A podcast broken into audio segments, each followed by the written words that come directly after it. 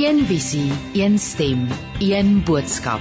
Radiokansel 657 AM en 729 Kaapse Kansel maak impak op lewens van Gauteng tot in die Kaap.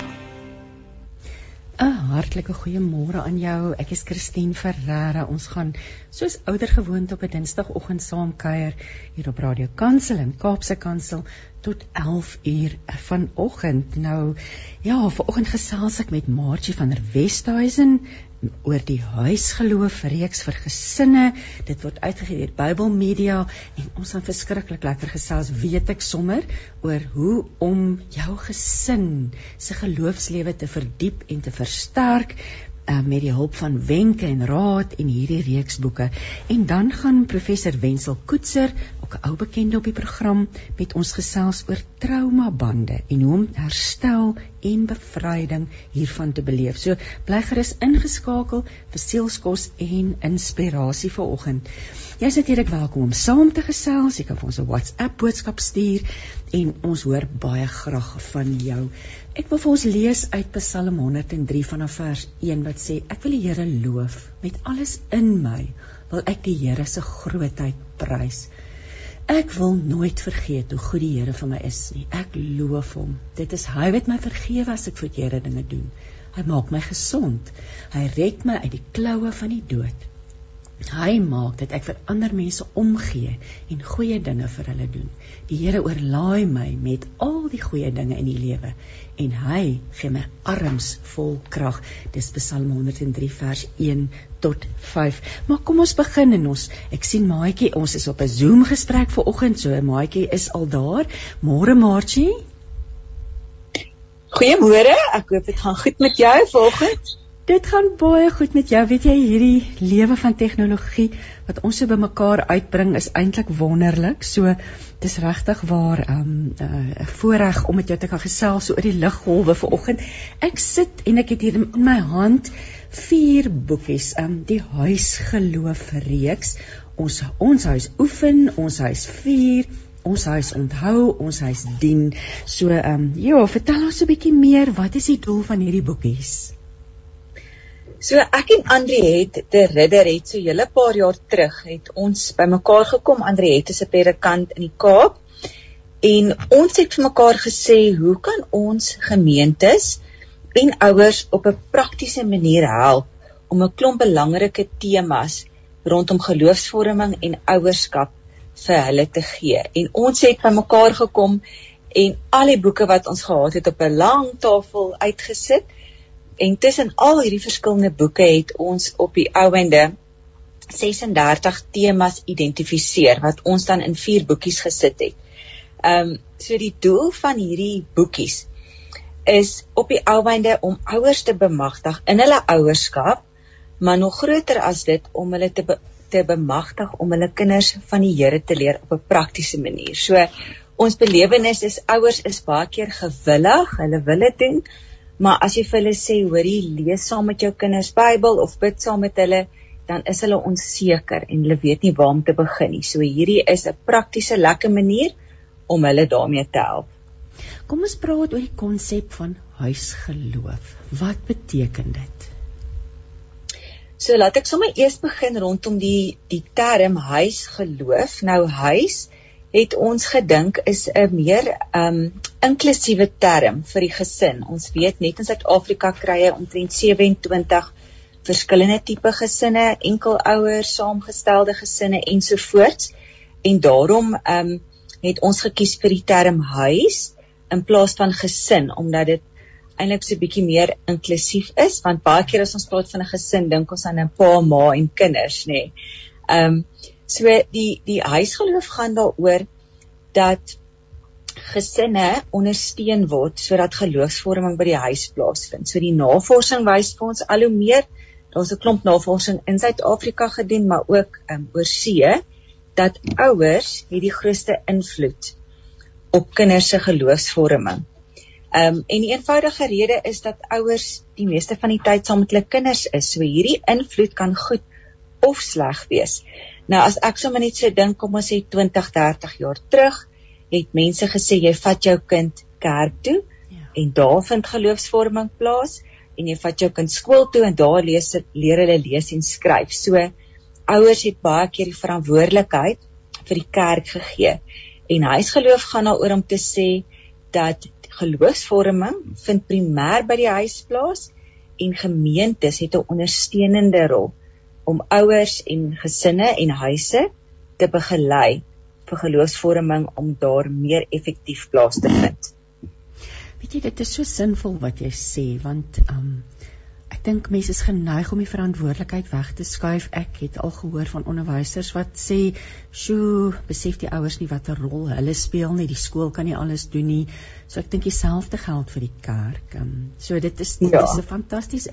En ek het nou vir jou 'n vraag. Dink jy vir al die afgelope 2 jaar wat ons aanlyn kerk gegaan het en en en regtig waar nie die kerkgebou kon besoek het nie Ek neem ja. aan dit het ook so van 'n groter rol begin speel in hierdie tyd hoe jy in die huis dan jou geloof uitleef, nê? Nee. Ja, ek dink nogals uh, my belewenis vir die gemeente is dat baie ouers het besef as hulle nie iets doen nie, dan gaan daar niks gebeur nie. So hulle het hulle rol eintlik opgeneem en en ek weet van 'n klomp gemeentes wat ook materiaal gestuur het en vir ouers gehelp het in hierdie taak. Maar ongelukkig in huise waar dit nie gefunksioneer het in elk geval nie dink ek was daar 'n 2 jaar leemte waar daar waarskynlik niks gebeur het nie. Maar ja ek dink die die inperkings het ehm um, het regtig vir ons besef hoe belangrik die huis is. Skus tog as jy daar Margie Ja, ek is. Ja, sy. Net so hier 'n knal geluid gehad. Kom ons praat 'n bietjie oor wat is 'n geloof ge geloofsgewoonte? Goed, so die ehm um, eerste boekie wat ons dan ehm um, geskryf het, is dan nou ons huis oefen en dit gaan spesifiek oor geloofsgewoontes. Nou geloofsgewoonte is dinge wat jy gereeld doen om in jou geloof te groei. So geloofsgewoontes help ons om God se teenwoordigheid daagliks raak te sien en met mekaar te deel.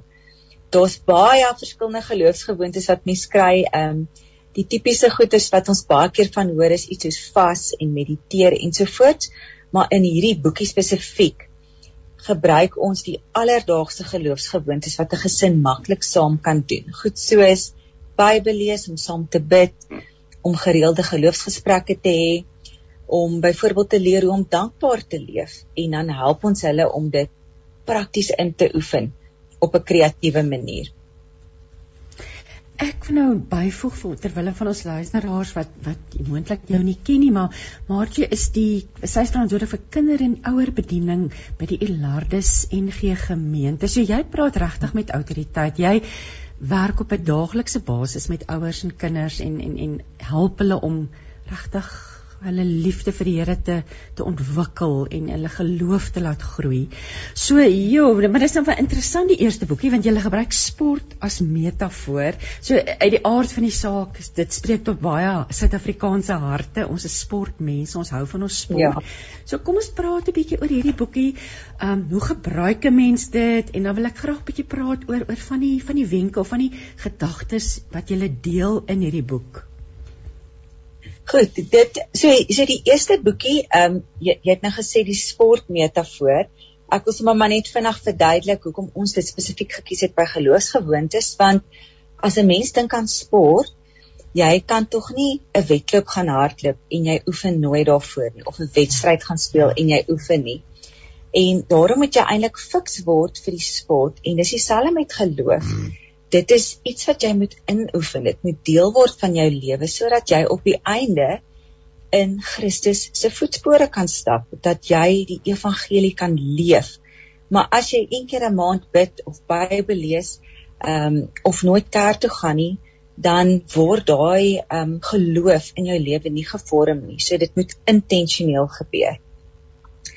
So as ek natuurlik Ekskuus tog, daar's natuurlik baie verwysings, heelwat verwysings in die woord na na na die wedloop. Ek het die wedloop voltooi ja. dan dan ja, so dit is dit is amper 'n logiese ehm um, dit kom so maklik nê nee, om om so daaraan te dink.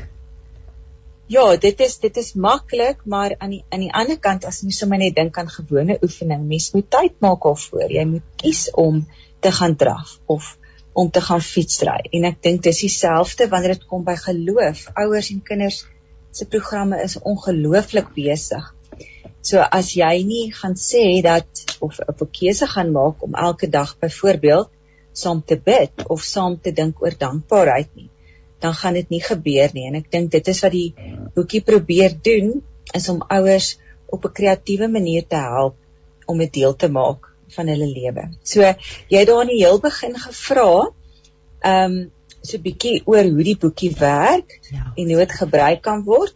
Ehm um, as 'n mens die boekies oopmaak, sal jy sien dat die verskillende temas is ingedeel om ook die vier hoofspiritualiteitstipes aan te spreek. So wat ek daarmee bedoel is dat verskillende mense beleef God op verskillende maniere. Party meer kognitief, ander dalk meer van die hart um, met musiek en getuienis ensovoorts, ander deur dinge te doen en betrokke te wees. En dan kry jy ook mense wat meer um, in stilte of miskien op retreats of in die natuur um, in gebed die Here beleef. En elke boekie is so ingedeel um, dat dit interaktief is. So gesinne kan dit saam doen 'n predikant of 'n gemeenteleier kan dit fasiliteer Ehm um, en dan kan gesinne byvoorbeeld in 'n saal bymekaar sit en dit so doen. Maar daar's 'n 'n storie aan die heel begin wat aansluit by die sportmetafoor. En dan kry 'n mens 'n ysbreker wat jy dan nou lekker in die gesin kan doen. En dan is daar 'n gedeelte wat gelees word uit 'n teks uit. So ehm um, die gesin lees die teks saam. Daar's 'n stukkie agtergrond in die boekie oor hierdie spesifieke teks en die teks gee dan ook eintlik so 'n bietjie agtergrond oor daai spesifieke geloofsgewoonte. En dan is daar 'n geselsgedeelte wat meer fokus op die hart en dit het dan spesifiek vragies oor die teks, maar ook ehm um, praktiese vragies oor hoe maak jy hierdie ding van toepassing in jou lewe. En dan by leef is daar 'n aktiwiteit wat die gesin saam doen om hierdie geloofsgewoonte te versterk en dan is daar ook 'n aanbid oomblik of 'n stil word oomblik vir die gesin waarmee hulle dan hierdie sessie afsluit. En aan die einde van elke stuk is daar nog verskillende idees wat 'n gesin afhangende van jou spesifieke situasie dan kan deel maak van jou gesinslewe. Ek dink nou byvoorbeeld aan die ouderdomme. Wie het julle in gedagte gehad? Watter ouderdomsgroep dink jy of of pas 'n mens dit maar aan so so, so oud jou kinders as so so oud as wat jou kinders is? Maar wat het julle half in gedagte gehad rondom ouderdom? Ek dink hierdie ehm um, sal baie goed werk met voorskool en laerskool, maar ehm um, die geloofsgewoonte moet uit die aard van die saak van toepassing wees op groot mense en op op op hoërskoolkinders ook. So ehm um, die ideaal is eintlik dat jy dit van kleins af inoefen sodat as jy by die hoërskool kom en jy het byvoorbeeld 'n gewoonte om elke dag te hoor hoe gaan dit met almal in die gesin of om te bid en Bybel te lees dat dit alreeds sal deel wees, maar ek dink ehm um, dit is nooit te laat om te begin nie. So dit kan verseker by hoërskoolkinders ook werk. Mens sal dan nou maar net jou aktiwiteite so kies dat dit vir hulle ook relevant is. Ag jy skryf so 'n mooi stukkie oor die skoonraad gesin wat 'n spesiale rots by die see by Kleinmond het waar hulle gereeld vakansie en hulle noem hierdie rots hulle familierots. Dit is naby die water maar veilig vir die hele gesin om rustig saam te kyk hoe die branders breek. En hulle sê hierdie plek herinner herinner hulle aan God. Daar op hulle familierots het hulle elke keer 'n spontane gesprek oor wie God is en hoe en waar hulle God in hulle lewe raak. En ek wil dit is 'n wonderlike selfs met volwasse kinders. Jy weet as ja. saam vakansie hou, wat 'n fantastiese geloofsgewoonte om 'n plekkie te hê veilige plek waar jy eintlik net dan soos jy soos jy hier skryf oor die Here gesels. So mense moet ook bietjie kreatief dink oor hoe en wat natuurlik wat pas by jou gesin en jou gesin se behoeftes nê. Nee. Ja, Ja, en mens wil ook vir gesinne help om nie nog 'n ding op die lysie by te sit wat ja, moet gebeur nie. Jy moet eintlik gaan dink waar in jou dag is julle as gesin in elk geval bymekaar. In ons gesin sal voorskool glad nie werk nie, dan ons slaap tot op die nippertjie. Maar vir 'n ander gesin staan miskien vroeg op en kan saam koffie drink en 'n sekere gewoonte doen. Ander gesinne ehm um, het dalk 'n spasie vir slaaptyd. Ehm um, so ek dink mens moet gaan dink waar is jy in elk geval rustig saam in jou dag en daai ruimte kan jy dan net so bietjie anders inrig om op die einde ook geloofsvorming te bevorder. Maar maar ek dink natuurlik dis seker ook nie die regte ding om dit te forceer of af te dwing op jou kinders nie. So dis ook dit hang ook seker af van hoe jy dit benader, nê. Nee. Ja, en ek dink mens moet nie ehm um, as jy nou byvoorbeeld die boekie wil gebruik, dink mens gaan al temas dadelik implementeer nie. Ek dink mens moet gaan kyk wat is een of twee goed waarmee mens kan begin en dit vir 'n rukkie intentioneel op 'n natuurlike manier doen. Ehm um, ja, en dan kan jy verder beweeg en kyk, het ons miskien tyd ehm um, of behoefte om nog iets deel te maak. Ek dink nou byvoorbeeld die gewoonte rondom dankbaarheid. Ehm um, daar is soveel navorsing wat sê dat 'n mens regtig 'n gelukkiger lewe het as jy leer om die goed raak te sien wat jy reeds het. En hier is in ons verbruikerskultuur wat jy heeltyd dink wat kort ek nog. Oh, ja. En ehm um, om byvoorbeeld by die etenstafel wat ook een van ons gewoontes is, um om saam te eet en net om die tafel te sê te gaan en te vra waarvoor is jy vandag dankbaar. Dit vat nie ekstra tyd nie, um maar dit maak 'n groot verskil om jou gesin se fokus te skuif om te sê hoe het God vandag reeds voorsien. Ja, weet jy ek ek, ek ons gesin speel nou deesdae so lekker wordle ons en, en wortel wrintie waar is die ander die woordspeletjie en ja. ons het nou almal 'n WhatsApp groepie wat ons en ek het net agtergekom hoe dit ons gesin saambind op so 'n uh, ons want nie almal woon meer in dieselfde stad nie my kinders is al groot en dit bind ons net saam ek weet jy's okay jy het woordel gespeel vanoggend en ek sien julle verwys hier na die ons glo app en ek dink nou aan tieners wat die hele tyd op hulle selfone is. Vertel ons 'n bietjie meer oor die ons glo app wat jy sê julle stel voor laai hierdie app af. Ja, dit is ook iets wat jy op jou selfoon het wat dan vir jou help om sommer maklik toegang te hê tot goeie soos 'n geloofsgewoonte of 'n stukkie om te lees. Um Ja, ek dink deesdae nou dat almal selfone het, selfs die laerskoolkinders. Ehm um, is dit 'n maklike ding selfs die YouVision Bible app wat baie mense gebruik om 'n Bybel te lees. Nou ongelukkig sien ek baie keer in die kerk ehm um, dat kinders nie presies weet waar's wat se hoofstukke nie, want hulle is nie meer gewoond om 'n fisiese Bybel vas te hou nie. So daar is natuurlik baie voordele aan dit. Ehm um, of 'n Bybelstudieboekie wat jy wat jy in jou hand het maar ek dink tog dat op die ouene van die dag gee die tegnologie vir ons meer geleenthede. Kinders wat miskien glad nie sou Bybel lees nie, nou kan hulle maklik toegang hê op hulle fone. Kom ons praat. Ek is nou ek is nog steeds besig met ons huis oefen en op hierdie boekie fokus julle op geloofsgewoontes 9. Ons kom nou nou by die ander. Kom ons praat bietjie verder oor van hierdie geloofsgewoontes wat wat in hierdie boekie vervat word en dan gekoppel word aan die sport, aan die sportmetafoor, die sportveld. Jy vir ons dalk 'n bietjie daarvan kan vertel asseblief, Margie.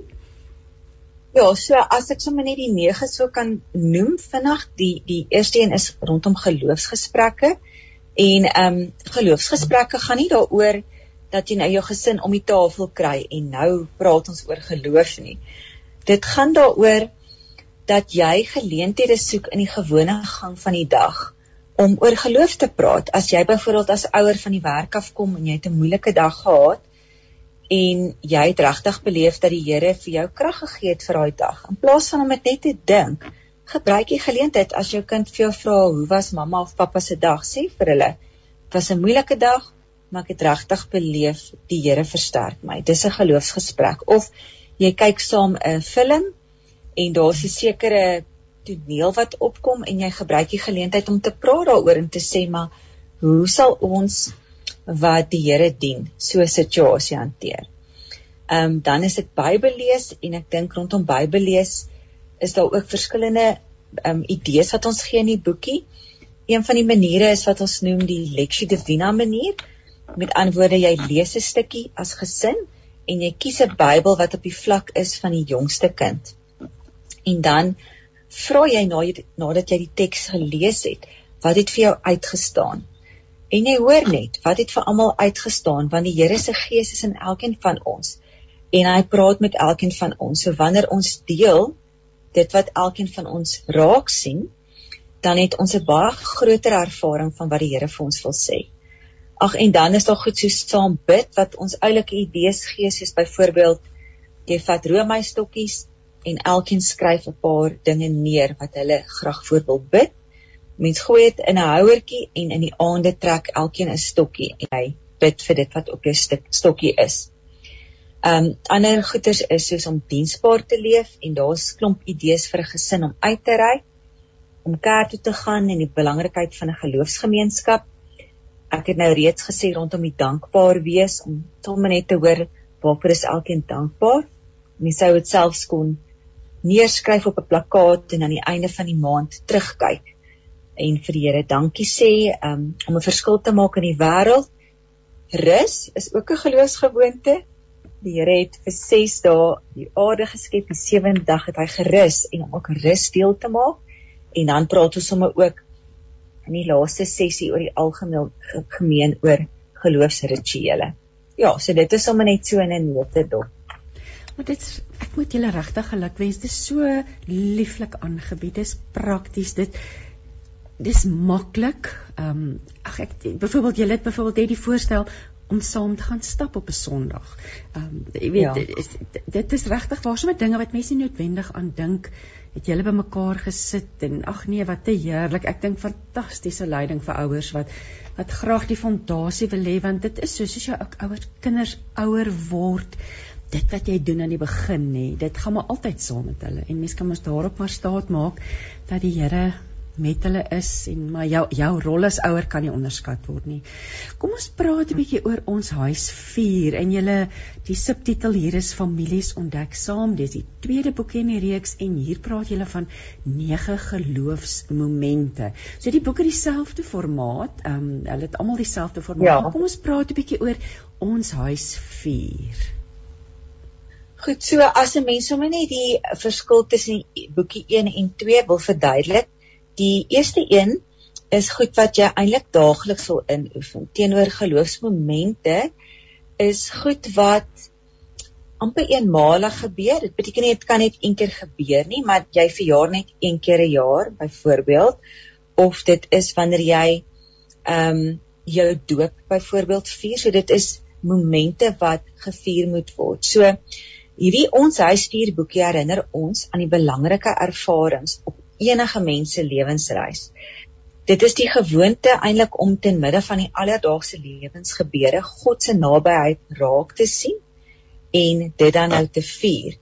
Ehm um, en daar's verskillende geleenthede op elkeen se lewensreis waar jy miskien 'n oorgangstyd beleef, miskien is daar 'n kind wat van graad 7 tot graad 8 beweeg of van kleuterskool na laerskool of van matriek tot jong werkend of om te gaan studeer. Dit is 'n spesifieke oorgang. Nou mense kan daai oorgange maar net laat gebeur of jy kan iets spesiaals daarvan maak. Jy kan byvoorbeeld 'n kind wat na die hoërskool toe beweeg, kan jy ehm um, een aand as gesin saam iets gaan eet en jy kan vir daai kind 'n spesiale geskenk gee en mens kan vir daai kind bid en sê ons as gesin is saam met jou op hierdie reis. Dis byvoorbeeld so tipe iets. Ehm um, as 'n mens dink aan doop, baie gemeentes doop kinders wanneer hulle babatjies is en dan is dit eintlik maar net iets wat in die album is, maar ons sê vir onsself nee, dit kan nie so werk nie. Elke jaar op daai datum behoort ons daai oorgang of daai moment te vier. So byvoorbeeld as jou kind gedoop is op die 5de Februarie op daai dag, kan jy byvoorbeeld 'n kers aansteek, jy kan selfs koek bak, jy kan dit jou doopverjaarsdag noem en 'n mens kan weer na die doopfoto's kyk en vir jou kind verduidelik wat beteken die doop. As jy groot gedoop is dieselfde, jy kan daai geleentheid vier. Ehm um, ander idees wat ons het is byvoorbeeld rondom verjaarsdae. Ehm um, meeste gesinne maak iets rondom 'n verjaarsdag.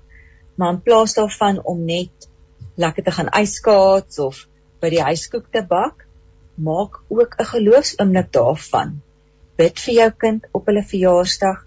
Gebruik miskien die geleentheid wanneer die maaltyd daar rondom die koek staan om vir jou kind die mooi eienskappe te noem wat jy in hierdie jaar van hulle raak geskied gesien het.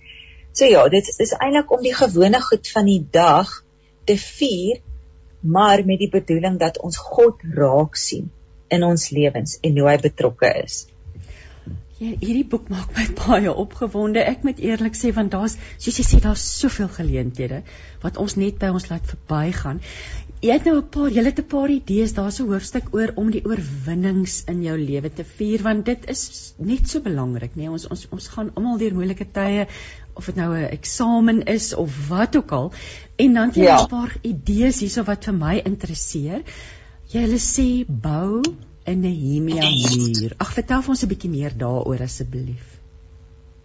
O, jene, ek gaan nou eers moet kyk wat wat die ja, Ek gaan vir sê ek is hier op bladsy 31 Chrissy bel uit Engeland. Môre Chrissy, dis so heerlik om weer van jou te hoor. Sy sê sy het 'n bietjie laat ingeskakel en wat is die boek se name en die skrywer? Baie dankie en seën vir julle. Chrissy, ek gesels met Dominee Maatjie van der Westhuizen. Sy was een van die redakteurs uh, van die, die, hierdie reeks boekies. Dis 'n reeks van 4 boekies met die titel Huis geloof en um, dit word uitgegee deur my Bybel Media. So ek neem aan as jy kontak maak en op Bybel Media se webwerf gaan kyk, gaan jy dit kan sien um, en jy kan sekerlik kan bestel selfs daar in Engeland. Ek gaan hoop dit gaan sommer baie goed met jou daar vanoggend. Maartjie, ons kan ons ja. gesels oor die Nehemia mee. Ja. Dankie jy my goue het goue kans gegee om daar te bly. Ehm um, weet jy die Nehemia muur sluit eintlik aan by die mure van Jerusalem wat herbou is daar in Nehemia 1 en 2. So ons gebruik dit sommer net amper as 'n metafoor van die aktiwiteit. So ons sê dat jy 'n muur kan maak met bakstene, jy kan dit gaan uitknip, jy kan dit teken, jy kan dit selfs fisies bou as jy wil en dan om weekliks in hierdie bakstene of op hierdie bakstene goetertjies te skryf wat oorwinnings is. Nou baie keer as ons oor oorwinnings praat, dan dink ons aan jy moet nou 'n medalje wen of moet 'n beker terugbring huis toe nê. Maar ehm um, elke individu in die gesin het die goed wat miskien vir hulle uitdagings is. So as as kinders klein is en hulle het elke week 'n dag gekry om hulle bed op te maak. Ek vat nou 'n voorbeeld. Dit is eintlik 'n dis 'n oorwinning al is dit ietsie kleins wat hulle reg gekry het of ehm um, laerskoolkinders byvoorbeeld rondom skoolwerk. Ons is geneig om net punte te gee wanneer 'n kind oor 80 gemiddeld het. Maar as jy dit miskien reg gekry het om jou wiskunde toets met 5 of 10% te laat styg jou punte, dit is 'n oorwinning. Of as jy gereeld kwaad raak as ouer en jy kon dit regkry om geduldig te wees. Dit is 'n oorwinning en die die, idee van hierdie muur is eintlik om op 'n fisiese manier hierdie goeders te vier en dit neer te skryf en te sê ons ons het ons het oorwin, ons het dit reg gekry om dit hierdie week anders te doen. Jy verwys ook daarna die Deborah boom. Dis iets wat ek nie ken nie. Ehm um, en dit gaan rondom Deborah se verhaal in Rigters 4 en 5 en hier is dit oor uh, waarhede en wyshede wat julle mekaar aan kan herinner want sy was 'n leier en So dit dis hom ook 'n interessante ding nie en jy sê sommer eh, weet gehange droë tak in jou huis. So dinge wat jy regtig kan doen wat net ware toevoeg tot die gesin se se geloofslewe nê. Ja, ek dink die die Deborah boom meestal sien ons het nou regtig probeer om om selfs die aktiwiteite ook aan verhale in die Bybel te konnekteer. Ehm um, So sy was 'n vrou van wysheid gewees wat in 'n manlike leierskap of patriargie die volk met wysheid gelei het. Um en so mense sien in haar verhaal 'n klomp wonderlike eienskappe waar sy wysheid gehad het, waar sy leiding geneem het. Um so ons sluit by daai verhaal aan en sê dat ons as gesin ehm um, of kom ons sê ons as individue kry dit nie altyd reg om dinge in ons eie lewe raak te sien wat gevier moet word nie. Afhangende van jou persoonlikheid nê. Ehm um, baie keer sien ons net die slegte raak. En hierdie is 'n manier om ook die goeie in mekaar se lewe te vier en raak te sien hoe jy het vandag met wysheid opgetree. Ehm um, of jy het miskien vandag nie vies geraak toe jou boetie jou gestamp het nie. Ehm um, so ja, dit is dit is dit is eintlik dan nou mekaar te te bemagtig om mekaar eintlik te herinner aan die goeders wat hulle wel reg kry. en dit is lekker visueel nê. Nee. So jy kan dit sien en dit is vir so oulik jy het 'n idee vir Moedersdag wat jy sê plant 'n tak in 'n emmer, sit dit iewers in die huis neer en skryf die woorde jy is vir my spesiaal omdat doetjie doetjie doetjie op 'n kaartjie of 'n papiertjie en neer en dan hang dit aan die tak en laat almal in die week voor Moeders of Vadersdag kaartjies in die boom hang wat beskryf hoekom ma of pa so spesiaal is. So vandag is nou al Dinsdag, so is nooit te laat om te begin. Ja. Ons ons mik vir Sondag, maar wat 'n lekker idee om om want dan vier ons sommer al die hele week en ons vier ma en ons dit gaan oor vier om hierdie ander persoon te vier. Ja, want as as 'n mens nou dink oor iets soos Moeders of Vadersdag, ehm um, dan kan dit baie keer mense mis raak so in 'n spesifieke gewoonte om dit te vier of baie keer vier ons dit deur 'n geskenkie te gee, maar hierdie is regtig om ja. iets anders by te sit om te sê ehm um, hoe hoe vier ons God se betrokkeheid ook in hierdie persoon se lewe en wat se spesiale eienskappe sien ons raak wat die Here vir vir ons ma of ons pa gegee het. So jy hoor wat ek sê ek ek ehm um, ek sê altyd die gewone en die buitengewone of of die geestelike behoort nie twee aparte goed te wees nie. Ehm um, die Here is oral in ons en om ons en daarom kan ons selfs in iets soos Valentynsdag, Moedersdag, Vadersdag kan ons die Here deel van hy's klaar deel maar met sekere goed wat ons doen kan ons ook die fokus plaas op God se liefde en op God se genade. Kom ons gesels oor die ek sien dis al 20 voor 20 voor 10 genade die tyd vlieg vanoggend. Kom ons gesels oor die derde boekie in die reeks um, en dit is gefokus op die 9 kerkjaar aktiwiteite. So ons is nou net deur die Paase um, wonderlike tyd om as gesin saam te vier en en te te herdenk dat Jesus vir ons gesterf het, maar Hoekom vier ons die kerkjaar? Vertel vir ons so 'n bietjie meer daaroor. Ja, so die kerkjaar of die liturgiese jaar is 'n kalender van seisoene en feesdae wat deur Christene dwars oor die wêreld in verskillende denominasies gevier word. So in elke seisoen fokus die kerk op 'n ander tyd in Jesus se lewe en bespreek gelowige gepaardgaande temas wat dan nou saam met dit kom. Nou baie kerke lees ook bepaalde Bybeltekste en spesifiek en gebruik ook spesifieke kleure en simbole in in elke seisoen. Ehm um, nou die viering van die kerkjaar is 'n wonderlike manier om tradisies en feeste van ons geloof as 'n gemeente en dan nou as 'n gesin saam te herdenk. Ehm um, baie van ons herdenk al reeds iets soos Paasfees wat jy nou net genoem het, Kersfees. Daar's dan minder bekendes soos byvoorbeeld Advent ehm um, of Koninkrykstyd maar al hierdie ehm um, dele van die kerkjaar help ons om na verskillende dele van Jesus se lewe te kyk. En wat ons in hierdie boekie doen is om vir gesinne te help om die kerkjaar nie net iets ehm um, teoreties te hê wat ons in die gemeente hoor of jy kom dalk kerk toe en jy sien die liturgiese ruimte is nou ewe skielik pers. Ehm um, so dis nou lydenstyd nie. Jy on, ons probeer regtig om die die kerkjaar prakties na die gesin toe te bring dat die gesin op die einde daai sekere kerkjaar tye ook deel maak van hulle gesin want op die ou einde van die dag wanneer ons dit doen dan gee dit vir ons nog 'n manier om geloof te vorm. Hoor jy in julle bied dit regtig dis baie so interessant want julle koppel byvoorbeeld die eerste hoofstuk is advent en julle koppel dit aan vinknessies.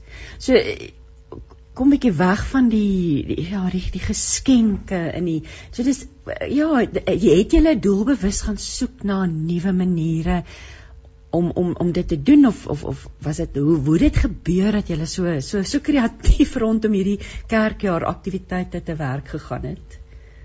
Wat hierdie spesifieke boekie aanbetref het ons die metafoor van die natuur gebruik want ons het gesê net soos wat daar kerkjaar seisoene is of tye is so is daar ook seisoene. Daar's herfs, lente, winter, somer en dit dit verander en dit is presies wat ook gebeur het. Jesus se lewe het deur 'n klomp veranderinge gegaan.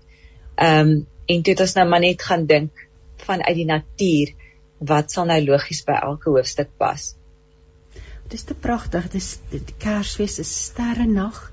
Die jy gaan my nou hier moet help. Die epifanie of epifanie wat wat spreek ek dit reg uit? Hoe spreek 'n mens dit uit? Daardie ja, dit is tyd. dit is epifanie. Ehm um, so epifanie is in die kerkjaar begin die kalender, ekskuus hierso in die kerkjaar kalender begin epifanie altyd op die 6de Januarie. Is interessant nê nee, en eindig die laaste Sondag van Aswoensdag. Ehm um, so nie alle denominasies ja. vier epifanie nie. Ehm um, dit is ook die kerkjaarseisoen wat die minste bekend is in die ge, ge, gereformeerde tye. Ehm um, so epifanie begin met die herdenking van die wyse manne se besoek aan Jesus. En daarom is die Bethlehem ster 'n simbool van epifanie wat ons herinner dat Jesus se koms lig en daarom is dit baie belangrik die ster lig vir alle nasies gebring het. En dan in die tyd van Epifanie dink ons dis aan Jesus se lewe en bediening tot voor sy lydenstyd. Ja, sien sommer net so vir interessantheid. En dit is werklik, dis onbekend vir soos jy sê vir die meeste mense en hier gebruik jy hulle die simbool van lente. Dit is pragtig. Ehm um, weer eens die lig, die lewe, die nuwe lewe wat Jesus bring. So Ek dink hierdie ja, ek geniet hierdie boekies verskriklik baie soos ek deur hulle blaai en met jou gesels. Um en en en ja, koninkrykstyd. Dis ook iets wat ons eintlik nie vreeslik goed ken nie en hier is dit skadubome waarna jy verwys. Vertel vir ons so 'n bietjie meer oor oor hierdie um periode op die kerkkalender.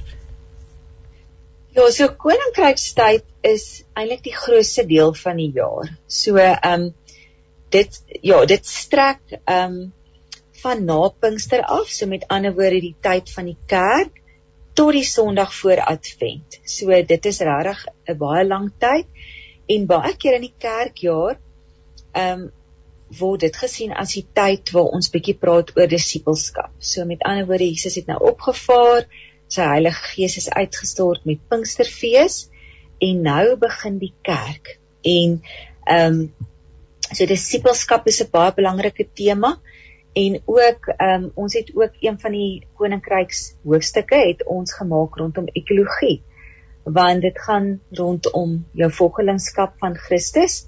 Um, en hoe jy leef tussen mense met jouself en met God maar ook rondom ekologie en hoe jy in die natuur leef. So ja, ons het dit sommer net so opgedeel.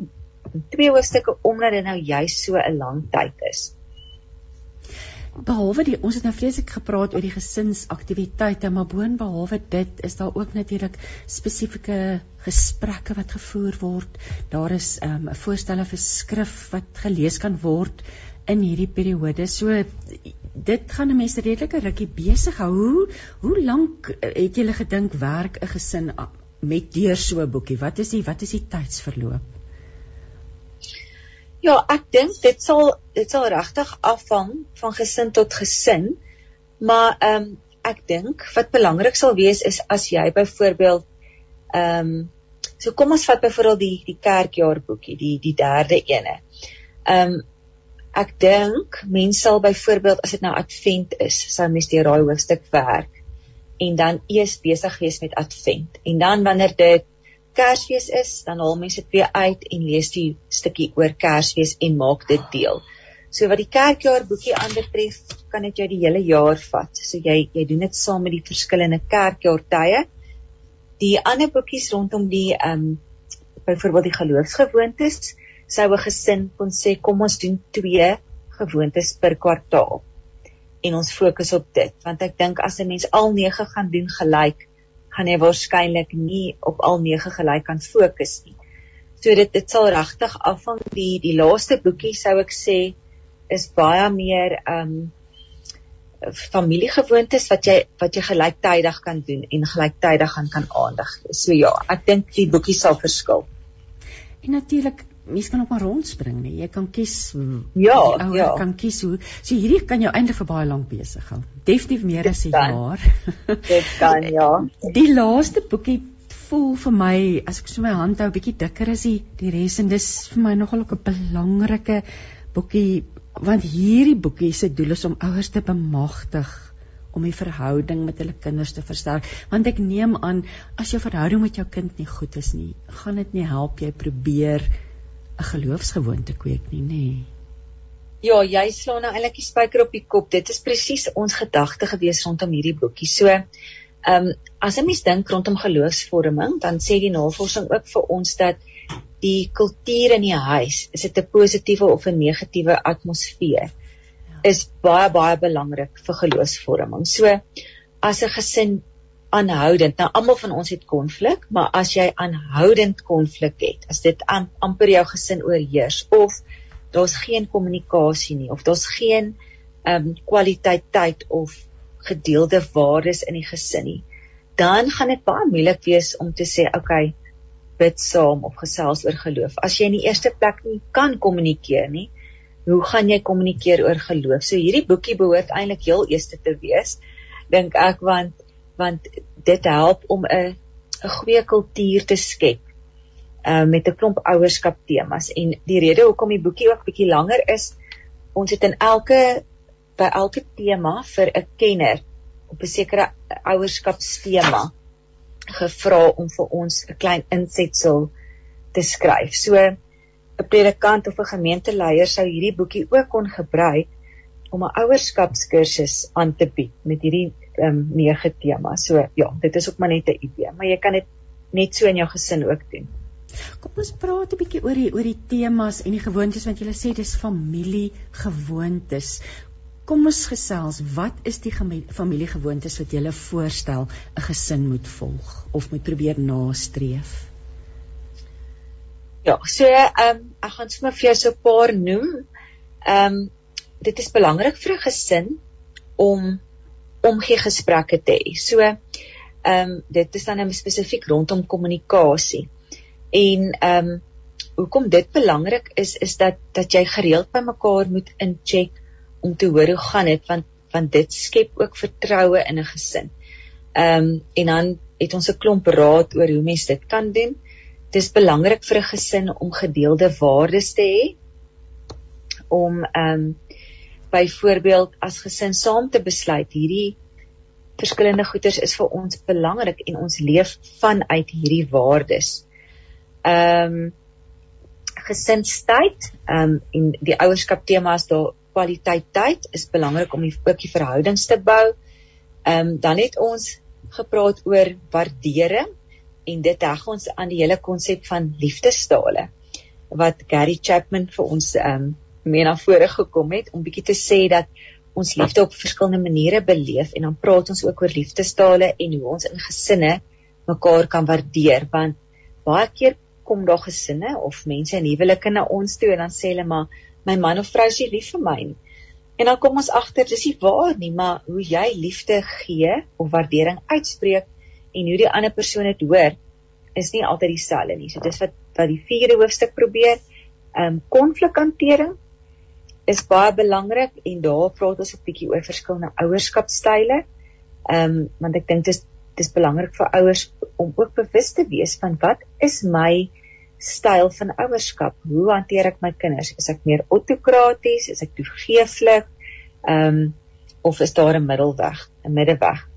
Ehm um, dan mededeelsaamheid is is regtig om jou kind en om ook die volwassenes in die gesin te leer om 'n hart te hê van omgee. Dit is dink ek baie belangrik. Ehm um, ons kan nie net elkeen vir onsself leef in ons gesinne nie. So ons ons oefen dit eintlik sodat ons dit kan in die wêreld ook versprei. Om saam te eet en daar praat ons baie oor beginsel van familieetes en interessant oor hierdie ehm um, spesifieke een. Daar's baie navorsing hierdie laaste tyd en en boeke wat ouers kan lees. Ek het nie nou almal hierso naby aan my om vir julle die titels te gee nie, maar ehm um, wat spesifiek rondom die waardes van saam eet of die waarde van saam eet gaan. En dan praat ons bietjie oor oor keuses en ehm um, hoe hoe en oor dissipline spesifiek. En dan die laaste een is oor gasvryheid as gesin wat wat ons ook weet 'n Bybelse waarde is en dan met die ouerskapstema wat gaan oor die gawe van diversiteit en hoe om as gesin nie net heeltyd jouself te omring met dieselfde tipe mense nie, maar wat maar dat daar juis 'n gawe is om met verskillende tipe mense in kontak te wees. Ja, so dit is die nege temas.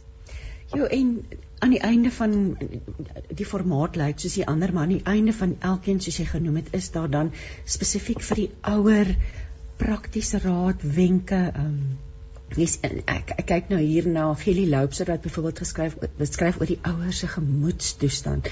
En ons waarsku wanneer ons moeg of gejaag is, tree ons anders op as wanneer ons rustig is en tyd het en so dit was regtig 'n hoop. Ek ek ek wou sê handvol raad en wenke, praktiese maniere hoe om jou gesin eintlik te versterk en en ja, en dan as jy heel in die begin gesê het, die groot die oorhoofse doel is om geloofsgroei te bewerkstellig. Maatjie, waar ja. kan mense hierdie boeke in die hande kry? Jy kan dit bestel op Bible Media se webwerf. Ehm um, en daar's ook 'n kontaknommer indien jy nou miskien sou sukkel wat jy net kan bel en hulle pos dit reg oor die land. So dit is baie maklik. Onder huisgeloof sal 'n mens dit kry. En die die die die webwerf se naam is www.biblemedia.org www.rsg.za. Ek gaan net herhaal ter wille van ons luisteraars wat dalk nou net ingeskakel het. Ek het gesels met Marchie Dominee Marchie van Westhuizen van Elatus Park en die gemeente oor die huisgeloof reeks 4 praktiese boeke wat um, gesinne leer om geloofsgewoontes te kweek, geloofsmomente te vier, familiegewoontes um, te kweek en ook om die kerkjaar aktiwiteite by die huis op 'n sinvolle manier te te te, te vier. Jy baie baie dankie vir jou tyd vanoggend. Dit was so lekker om met jou te gesels en ek wens jou alles seën toe. Jy dit was 'n hele groot span wat jy aangewerk het. Jy en Andre Andre het Andre het ridder was die redakteurs van die boeke. So laaste gedagtes van jou kant af.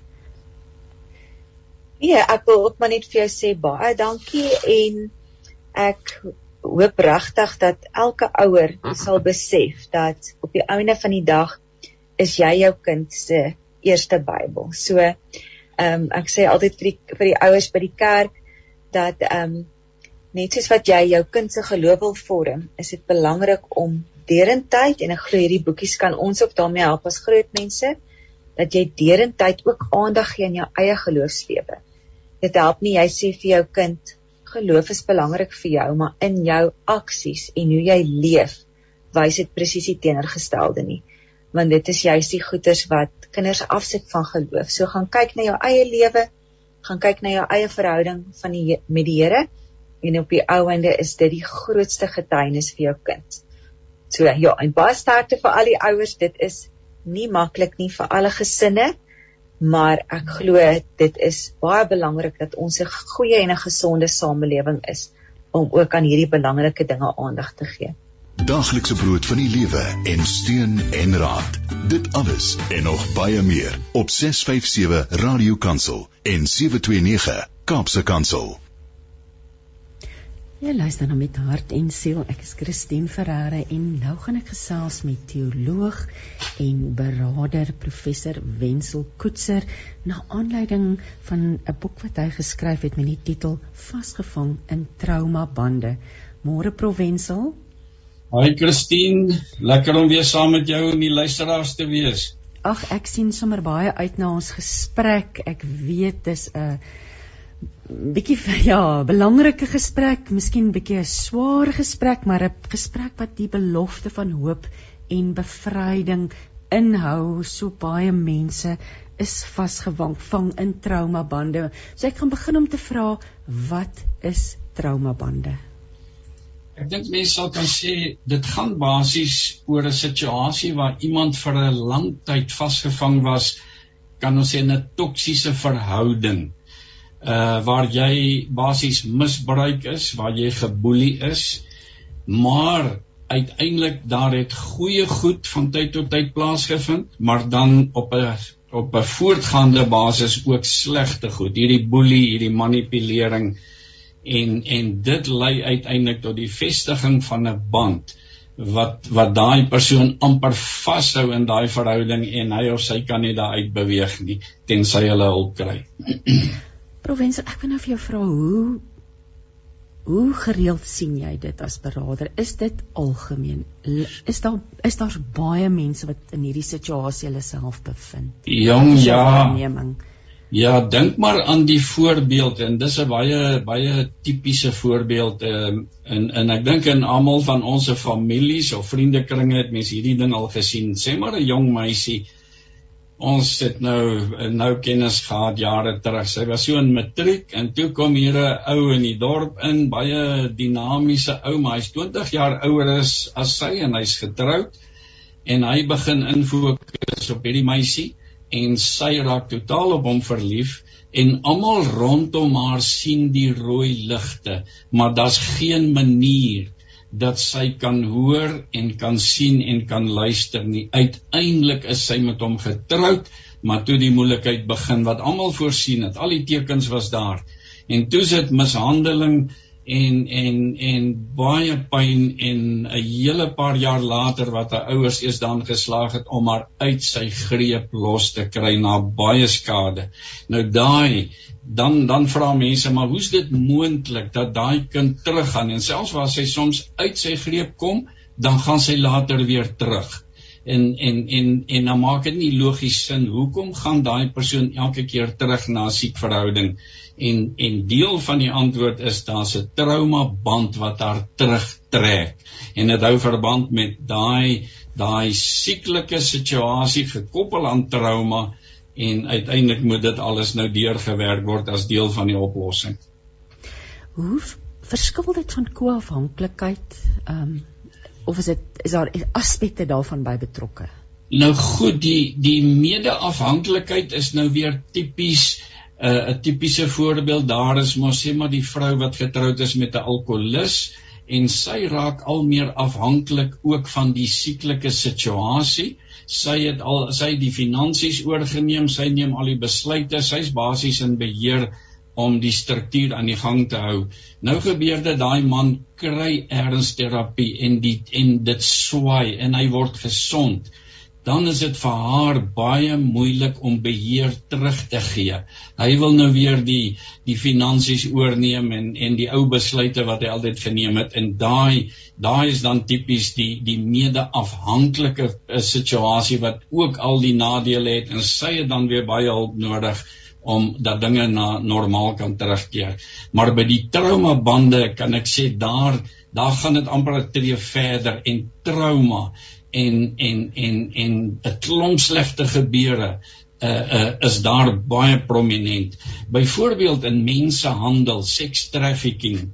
Weet jy daar die ouens beskryf dit een ou sê dit is uh uh dis hierdie ding op steroïde want daar kry hom tot die ekstreem. Hulle breek eers daai meisie se persoonlikheid en haar wil af deur uh, seksuele molestering, verkrachting en dan vestig hulle 'n nuwe band en dan het hulle haar totaal in hulle greep en dat sy selfs in 'n uh, hofsaak later ten gunste van die oortreders getuig en en selfs ontsnap uit die uit die huis van bewaring en en versorging en terug na die oortreders so sterk het daai ding geword. So hy hy kry bietjie 'n ander kleur as net medeafhanklikheid.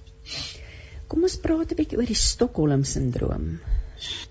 Ja, dit uh, het daar in 1973 afgespeel in Swede en in Stockholm waar bankrowers uh, bankpersoneel uh, gijslaar geneem het en eise gestel het oor hulle vriende wat in die tronk was en vir 'n week lank het hulle hierdie mense basies in die bankkluis toegesluit gehad uh En toe na week het die polisie uiteindelik nou met onderhandeling en alles die situasie kon kon uh, oplos, maar toe uh, wat nou baie verstommend was vir sielkundiges en en mense wat dit waargeneem het toe die polisie inbeweeg was daar so 'n noue band tussen hierdie gijslaers en die rowers. Uh hulle het mekaar drukkies gegee, mekaar gesoen, uh die die gijslaars was kwaad vir die polisie gesê hulle hanteer hulle te hardhandig. Toe het die mans 10 jaar tronkstraf gekry. Na 10 jaar toe hulle uit die tronk kom toe trou hulle met twee van die meisies wat gijslaars was. Gesamentlike troue. Uh en van daar af het hierdie ding die naam Stockholm sindroom gekry want want wat hulle sê wat daar gebeur het in daai week Hulle het gedreig soms, hulle sal hulle om die lewe bring, maar terselfdertyd het hulle positiewe dade verrig. Hulle het vir hulle uh, uh, toegelaat om hulle familie te skakel en gesorg dat hulle genoeg kos en alles het. En dit is eintlik die definiering daar vind sekere goeie dade plaas te gelykertyd baie slegte dade en daai kombinasie vestig 'n band wat jy moeilik gebreek gaan kry. Die interessantheid van die menslike siege is eintlik onverklaarbaar nie. Ja. Ek dink ja. dat die goed gebeur. Hierdie boek jy bespreek baie dinge en, en, en ons kan gaan later uitkom by die pastorale perspektiewe en al die dinge, maar ons het ons het eers nodig om te praat oor die binding, oor negatief. Jy praat van die bonding wat ek neem aan die Afrikaanse vertaling kan wees binding. Dit is seker nie heeltemal reg nie, maar die negatiewe kant van ja. bonding en die bonding proses of die bindingsproses. Ja. Nou weet jy dit kan selfs plaasvind in 'n stikkende huwelik. Uh waar die egpaar op so ongesonde manier al sterker aan mekaar verbind word en dit kan so sterk wees dat die twee mekaar nie kan verlaat nie al maak die verhouding geen sin meer nie al is hulle besig om mekaar totaal te vernietig uh geen manier wat daar wat daar skeiding kan kom selfs met die oog op genesing nie. En uh tipiese kenmerke byvoorbeeld wanneer almal rondom jou sterk negatiewe reaksies ervaar betreffende 'n verhouding waarbinne jy jouself bevind, jy self probeer egter die krisis minimaliseer, verdedig of verduidelik. Al die ander sien die rooi ligte en jy sien dit nie wanneer daar 'n konstante patroon van teleurstellings aan die ander persoon in die verhouding gekoppel is en jy nogtans voortgaan om valse beloftes te glo. En dit kry mense baie in berading. Jy sien hoe een persoon die ander een vernietig, jong paartjies wat nog nie eens getroud is nie. En daar's nie 'n manier hoe jy hierdie meisie kan oortuig sy's sy's sy's langs die afgrond. Sy's langs die afgrond wanneer daar herhalende destruktiewe gevegte is wat deur daar sy lyk like my provinsel uh, daar uh, sy. Okay. ek liewe luisteraar ek vra om verskoning vir die tegniese ehm um, goggaatjie wat ingeglip het. So uh, provinsel kom ons gesels verder oor hierdie agt dinge wat gebeur as 'n mens aan aan trauma blootgestel was. Okay ek herhaal vinnig trauma reaksie dis nou onverwerkte trauma, dan kom 'n snellertjie en hy en hierdie persoon reageer buite perke, woede of wat ook al want die trauma's nie verwerk nie.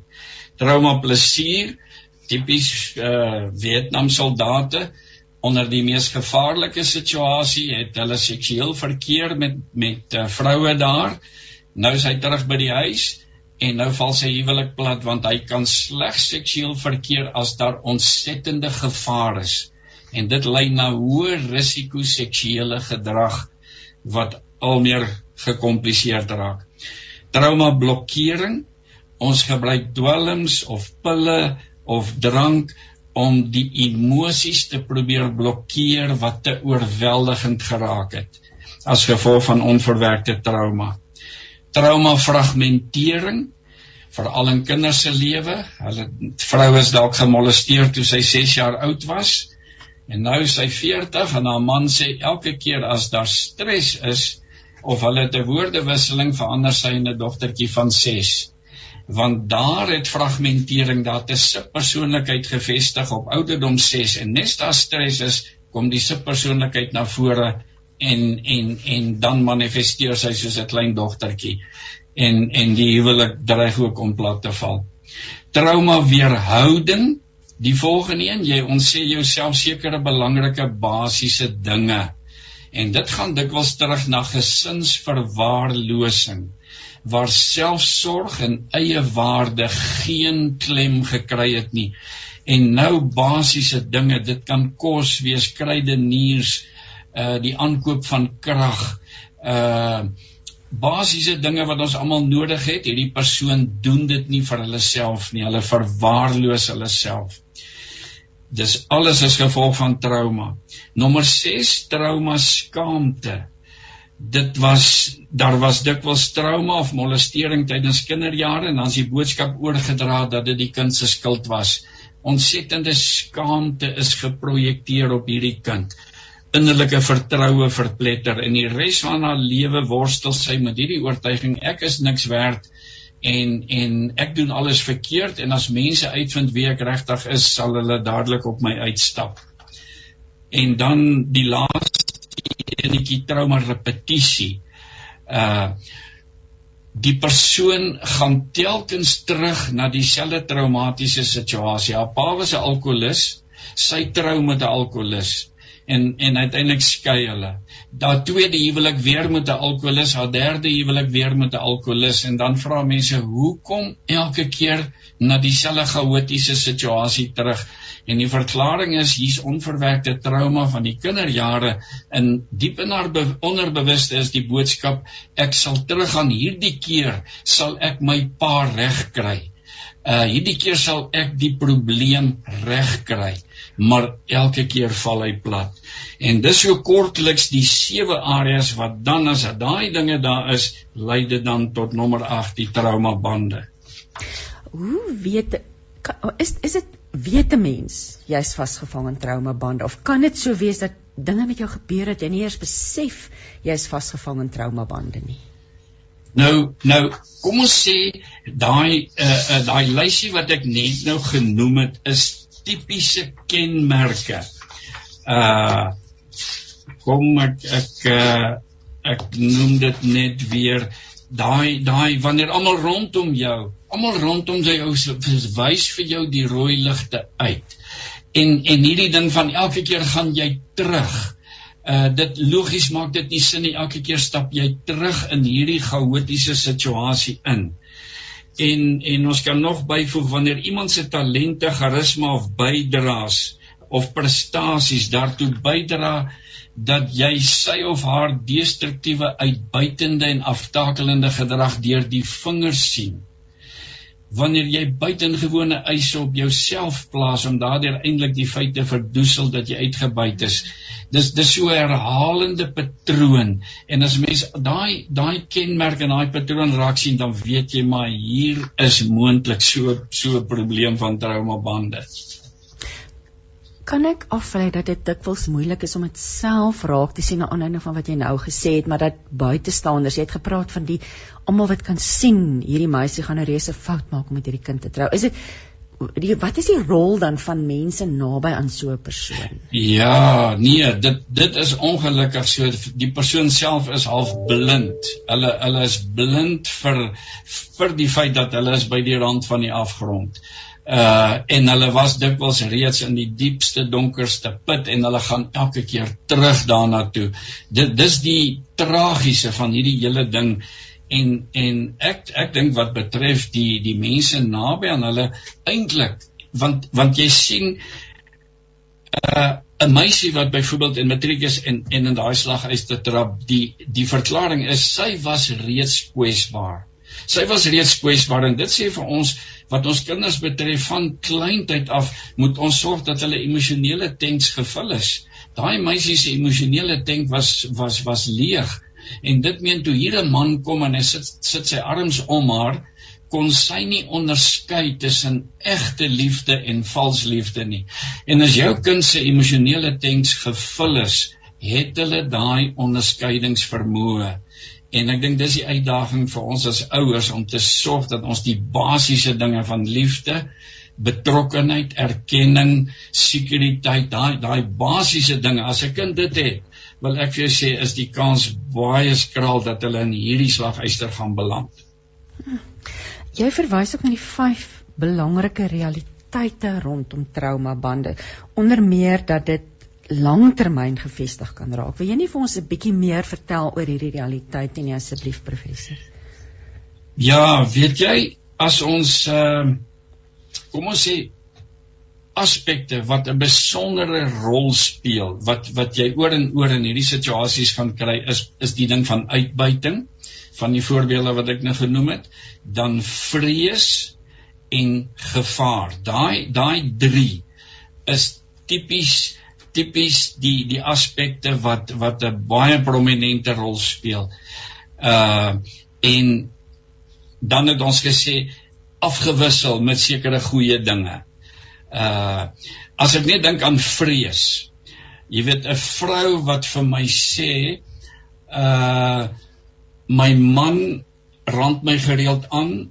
My man het 'n drankprobleem en my man is vir baie jare reeds in buiteegtelike verhoudinge betrokke. Hy's juis op op hierdie oomblik is hy in 'n ander dorp waar hy nou by 'n ander vrou betrokke is.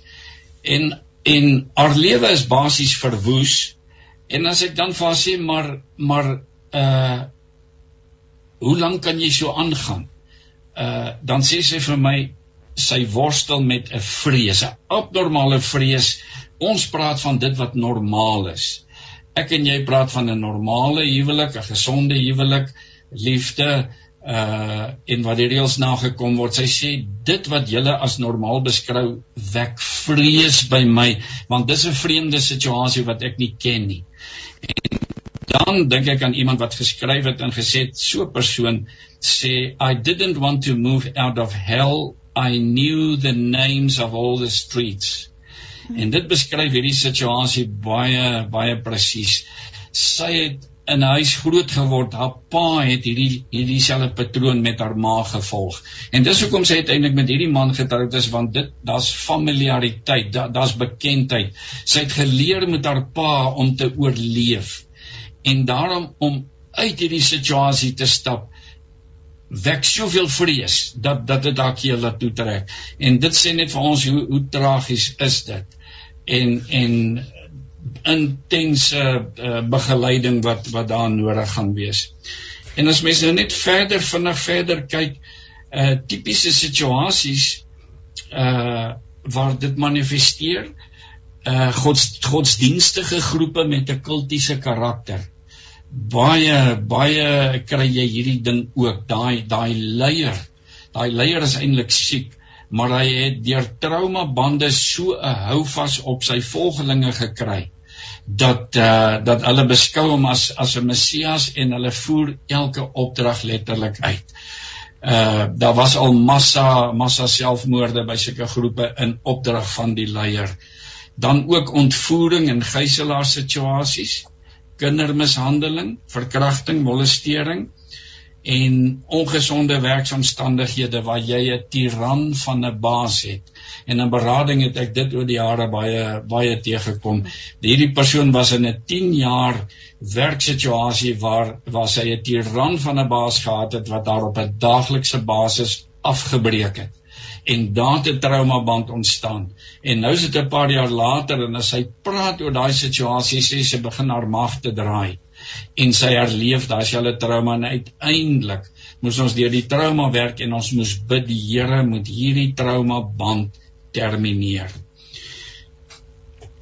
Jy jy's daar jy maak 'n stelling in die boek as en dis een van die subhoofstukke wat sê enige persoon is potensieel 'n kandidaat vir trauma bande dit dit maak 'n mens eintlik 'n bietjie onrustig.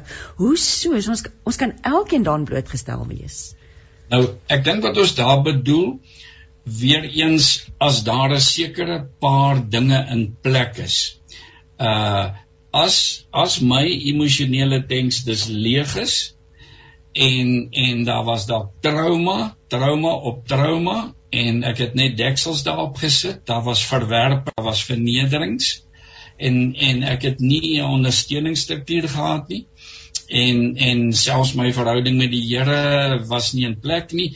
Dan sê ons dan as dit waar is van enige persoon en jy en jy beweeg nou in 'n situasie in waar daar so 'n tiran van 'n persoon bokant jou is of in 'n verhouding met jou is dan is elkeen van ons potensieel kwesbaar. Maar as die as die as die regte dinge in plek is soos ek nou nog genoem het dan sê ons dan rus jy jou jou kinders en jou geliefdes toe dat hulle nie kwesbaar gaan wees hiervoor nie. Kom ons praat 'n bietjie oor die taktik wat hierdie victimiseerder dan volg. Jy het nou gepraat van hierdie tiran van 'n baas. Ons praat van 'n um, 'n man wat dalk sy vrou slaan of net in die ergste gevalle praat ons van die van van uh, ontvoering en, en sekshandel en al hierdie dinge. Ja. Maar hoe erken 'n mens dat hierdie persoon het 'n spesifieke taktik en wat is dit wat hulle doen? Ja. Nou een van die belangrike kenmerke hier is dat die slagoffer word van hulle besluitnemingsvermoë beroof. Daai verhouding ontwikkel so dat jy het geen besluitnemingsvermoë nie, daar word vir jou besluit. En dis 'n belangrike komponent van die hele strategie. So dit word bereik deur kontrole en beheer op 'n daaglikse basis. Deur middel van aspekte soos byvoorbeeld mikroregulering tot in die fynste detail word jou lewe beheer. En en die vrou wat sê ek moet elke maand al my geld vir hom gee en al die ander besluite neem hy in die fynste detail. Dan voortdurende waarneming. Daar's voortdurend elke minuut van die dag word jy word jy uh, waargeneem en as jy 5 minute later vandag by die huis is as wat jy gewoonlik by die huis is dan is jy op die rooi tapuit want dan is daar suspisie dan dreigemente is aan die orde van die dag intimidasie vernedering en isolasie uh tipies in huise waar daar bloedskande molestering is die kinders word geïsoleer want dit bevorder die die atmosfeer vir die skep van 'n traumaband daar moenie kontak wees na uh, na buite nie dan mag niks na buite gepraat word met vriende met maats met onderwysers nie want dan dan kan dit die hele uh, balans versteur. Dan verder uh hulle vergelyk dit uh die vestiging van 'n traumaband byvoorbeeld met 'n rek. Dis asof die slagoffer aan die viktimiseerder met 'n rek vasgemaak is. Soms kan jy 'n bietjie wegbeweeg, maar as gevolg van hierdie rek word jy in 'n enige stadium weer teruggeruk. En onder andere soos ek net nou gesê het, uh die snellers, die snellers is 'n tipiese ding wat hierdie rek laat styf span en hy ruk jou terug en jy's terug in die trauma situasie asof dit nou hier weer aan die gebeur is, maar dit is 20 jaar gelede wat jy op die slagveld was. En hiermee saam, die slagoffer se geheue word ook gaande weg ten opsigte van die mishandeling in die verlede afgestomp. Dis asof hulle vergeet van al die kere in die verlede wat hierdie ding oor en oor herhaal het. En hulle hulle 'n gebrekkige persepsie van die feit dat dit gaan môre en oormôre weer herhaal. En dan die die uh, nog 'n puntjie, dit blyk hoe langer die verhouding met die misbruiker uitgereik word, hoe groter die kans dat die slagoffer sal in elk geval weer terugkeer al sou sy uitbeweeg vir 'n vir 'n vir 'n sekere fase. En en dan kan ons byvoeg, weet jy, in, in enige traumatiese situasie wat oorweldigend traumaties is, het die potensiaal van die vestiging van 'n traumaband.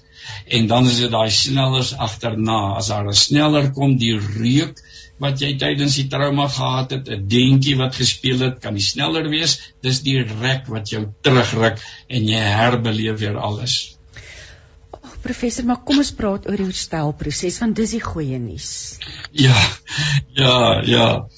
Nou herstelplan, uh, jy verwys na uh, as kenners na 'n herstelplan vir so 'n ja. persoon vasgevang in traumabande. Ja, die eerste enetjie ons moet die groot prentjie kry en gewoonlik sal dit maar saam met 'n beraader of 'n terapeut moet wees om te kyk wat is die groter prentjie wat het hier gebeur met verloop van tyd uh dat hierdie hierdie situasie so sleg geraak het. En hier sou mens kon aanbeveel skryf die verhaal. Skryf dit in die derde persoon sodat jy na jouself op jou naam in die verhaal kan wys. En dan moet die verhaal met iemand gedeel word in verkieslike beraader uh en en en dit moet voorgeles word. Die voorlesing kan terapeuties wees en dit sal jou die geleentheid bied om oor sekere van die dinge te praat wat jy ervaar het uh dan vra vra met betrekking tot hierdie verhouding hierdie siek verhouding wat wil ek graag van 'n verhouding hê watter tipe persoon sal ek graag aan verbind wil wees hoe affekteer my huidige verhouding my? En veral maar mense met jong mense wat nou nog nie getroud is nie en jy sien die rooi ligte kan hierdie baie effektief wees. Die volgende stapie evalueer jou verhoudings om die ander persoon te verander.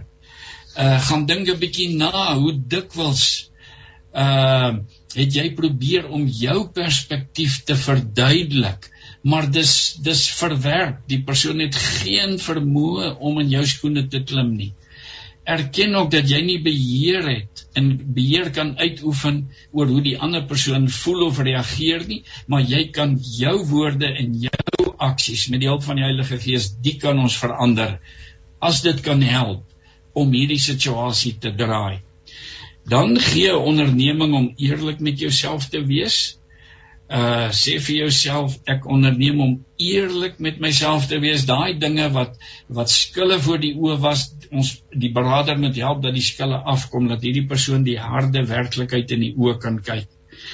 Dan maak 'n lys van gedragspersone per, uh, gedragspatrone wat jy nie langer meer gaan handhaaf nie uh jy sou byvoorbeeld gereeld met woede kon reageer as die ander persoon 'n sekere opmerking gemaak het oor jou klere of jou gedrag of die kos wat jy gemaak het uh en jy het gesien jou reaksie het alles net verder gekompliseer.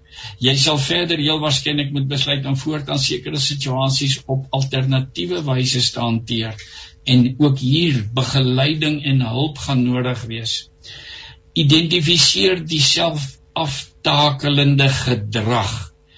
Uh in hierdie lys wat jy hier opstel byvoorbeeld kan noem jou herhaaldelike naïewe vertroue in die ander persoon se gereelde beloftes dat hulle gaan verander en hulle doen dit nooit jou aanvaarding van verbale mishandeling en die gebruik van alkohol of pille uh vir sommige persone gaan hier professionele hulp nodig wees die prosesse dalk al so ver versleg dat jy professionele hulp nodig gaan hê gee verder erkenning aan jou gevoelens. Die mense dikwels 'n deksel op hulle gevoelens geplaas. Uh wanneer jy byvoorbeeld hartseer voel, laat jou toe om te huil of sê hardop vir jouself ek voel hartseer en mislik. En skryf uit daai emosies, verwoord dit ook in deur middel van 'n joernaal. Uh aan vroue wat byvoorbeeld binne 'n trauma bindingssituasie vasgevang is en wat besig is om emosioneel en geestelik vernietig te word, sal verduidelik moet word dat die aantrekkingskrag wat sy met betrekking tot hierdie man ervaar het, waarskynlik niks met 'n werklike liefdesband ver, verband hou nie. Sy sal dis op hoogte gebring moet word van om te verduidelik hoe werk 'n trauma band sodat sy haar emosies kan identifiseer en soos die een ou sê and to separate the confusing feelings out from that catch all phrase but I love him. Dat sy verstaan as sy het gedink sy's lief vir hom maar dis nie 'n werklike liefdesband nie. Dis pyn dis daardie trauma uit kinderjare wat hier geskree het dan pas selfsorg toe uh, kry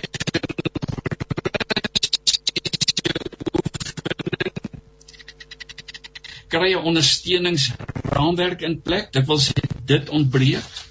Sluit by 'n ondersteuningsgroep aan en maak 'n afspraak met 'n beraader.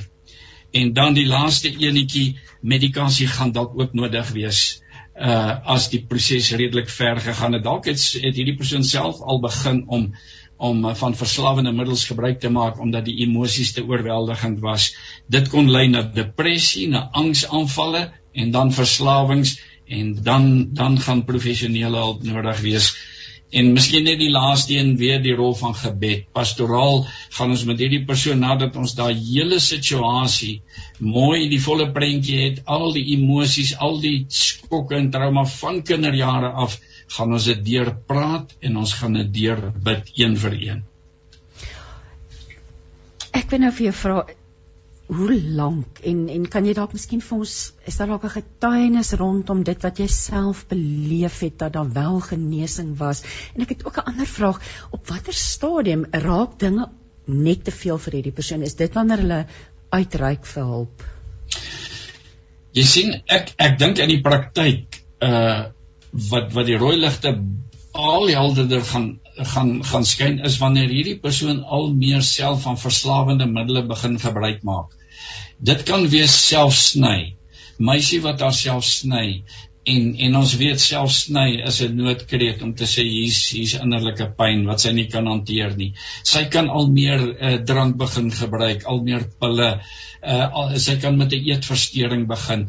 Jy weet mense wat haar goed ken en en en hierdie al hierdie dinge begin raak sien dan weet jy maar hierdie persoon skree dit uit hier's pyn hier's trauma en en sy self het nie antwoorde en oplossings nie. En ek dink weer eens nou goed hier en daar gaan mense iemand kry wat self besef ek moet nou hulp kry. Maar ek dink in meerderheid van gevalle is dit diegene die naaste aan hom of haar wat wat wat uitreik na 'n beraader wat die ondersteuningsstruktuur nader trek en sê hoorie asseblief kom raak betrokke. Uh hier's iemand wat wat op die punt is om oor die afgrond te gaan. Uh dit is dis wat ek self in die in die praktyk maar oor en oor gesien het. Nou ek sou verder sê uit uit praktiese gevalle as as die proses nog nie te ver gevorder het en die skade is nog nie te veel nie, dan weet ons dan is die helingsproses vinniger en gouer en as die persoon bereid is om te commit tot 'n helingsproses. Maar so dikwels kry jy dit dat die persone wat kwesbaar was en in hierdie slaghuisters beland het, is persone wat reeds van kleintyd af met baie pyn en pakkies van pyn saamgekom het en dit kompliseer gewoonlik die hele proses. As hulle dan bereid is om te commit tot 'n pad van heling, dan moet jy as beraader weet dit gaan 'n redelike lang proses wees. En jy sal 'n multidissiplinêre span eintlik moet kry want die kans is groot dat daar reeds verslawings is. En soos in die Meyer klinieke as die ou inboek dan identifiseer hulle hoeveel verslawings is daar want daar's gewoonlik meer as een. Een verslawing kan jy pyn tot op 'n punt hanteer, dan kan jy nie meer nie, dan moet 'n tweede een bykom. So daar's baie keer 2 of 3 dan dan professionele hulp miskien by 'n kliniek uh, in 'n kliniek inboek om te help om die verslawings getermineer te kry en te gelykertyd pastoraal deur al die pyn en trauma te werk dan hoe hoe hoe langer die verhaal, hoe meer emosionele bagasie, hoe langer die die terapieproses. Provensies nou 'n vraagie, ehm um, Hulle sê uh, goeiemôre Christine en Provensel kan hierdie ook betrekking hê op 'n ouer en volwasse kind verhouding byvoorbeeld ouer wat gemolesteer wat was as kind en dan kind se lewe beheer en manipuleer met verbale mishandeling of selfs wanneer die kind selfs wanneer die kind volwasse is. Hoe hanteer die volwasse kind dan so ouer? En hoe pas die kind dan nog die gebod van eer jou ouers toe sonder om die bogenoemde toe te laat? Jong ja weet jy dit kan verseker in daai situasie kan 'n trauma band ontstaan want want jy tipies weer hier die situasie van uh nie elke dag en elke minuut gaan sleg wees nie. Hierdie ouer gaan eers selfs vir die volwasse kind ook 'n uh, 'n uh, geskenkie gee en as die kind verjaar uh dalk uh, mooi woorde sê, maar dan op 'n sporadiese wyse word dit afgewissel met hierdie boelie, met hierdie manipulering. Daai kombinasie, hy vestig 'n trauma band. En uh wat wat wat kinders en ouers betref ook 'n trauma band tipies die pa wat uitstap uit 'n huwelik, daar's miskien net een kind, dis 'n seun, uh hy is so 10 jaar oud en ma begin fokus op hierdie seun en en hier vestig 'n band. Hier vestig 'n band wat ongesond is tussen ma en seun en die dag as hierdie seun in die huwelik eh, tree ontdek sy vrou, maar hier's hier's 'n band. En daar's baie ooreenkomste met met hierdie bande wat ons hiervan praat. Uh en dan moet jy as begeleier om die huwelik te red, moet jy uiteindelik met die seun deur die proses werk en hy moet bereid wees om afstand te doen van hierdie band. Ook as ons gaan bid dat die Here hierdie band want dis dis 'n ongoddelike, ongesonde emosionele band. Uh en as die ma bereid is, gaan jy met haar dit ook deurwerk. Uh want want jy moet skeiding kom tussen dit wat ongesond was dieselfde nou met hierdie voorbeeld wat wat die luisteraar noem die ma uh en en hierdie volwasse kind hier het 'n ongesonde traumaband ontstaan en jy sal die ma moet intrek, jy sal die kind moet intrek en deur elkeen se verhaal moet werk. Deur die ma se verhaal van kinderjare af. Daai daai onverwerkte trauma na kinderjare, dis dit wat hier manifesteer.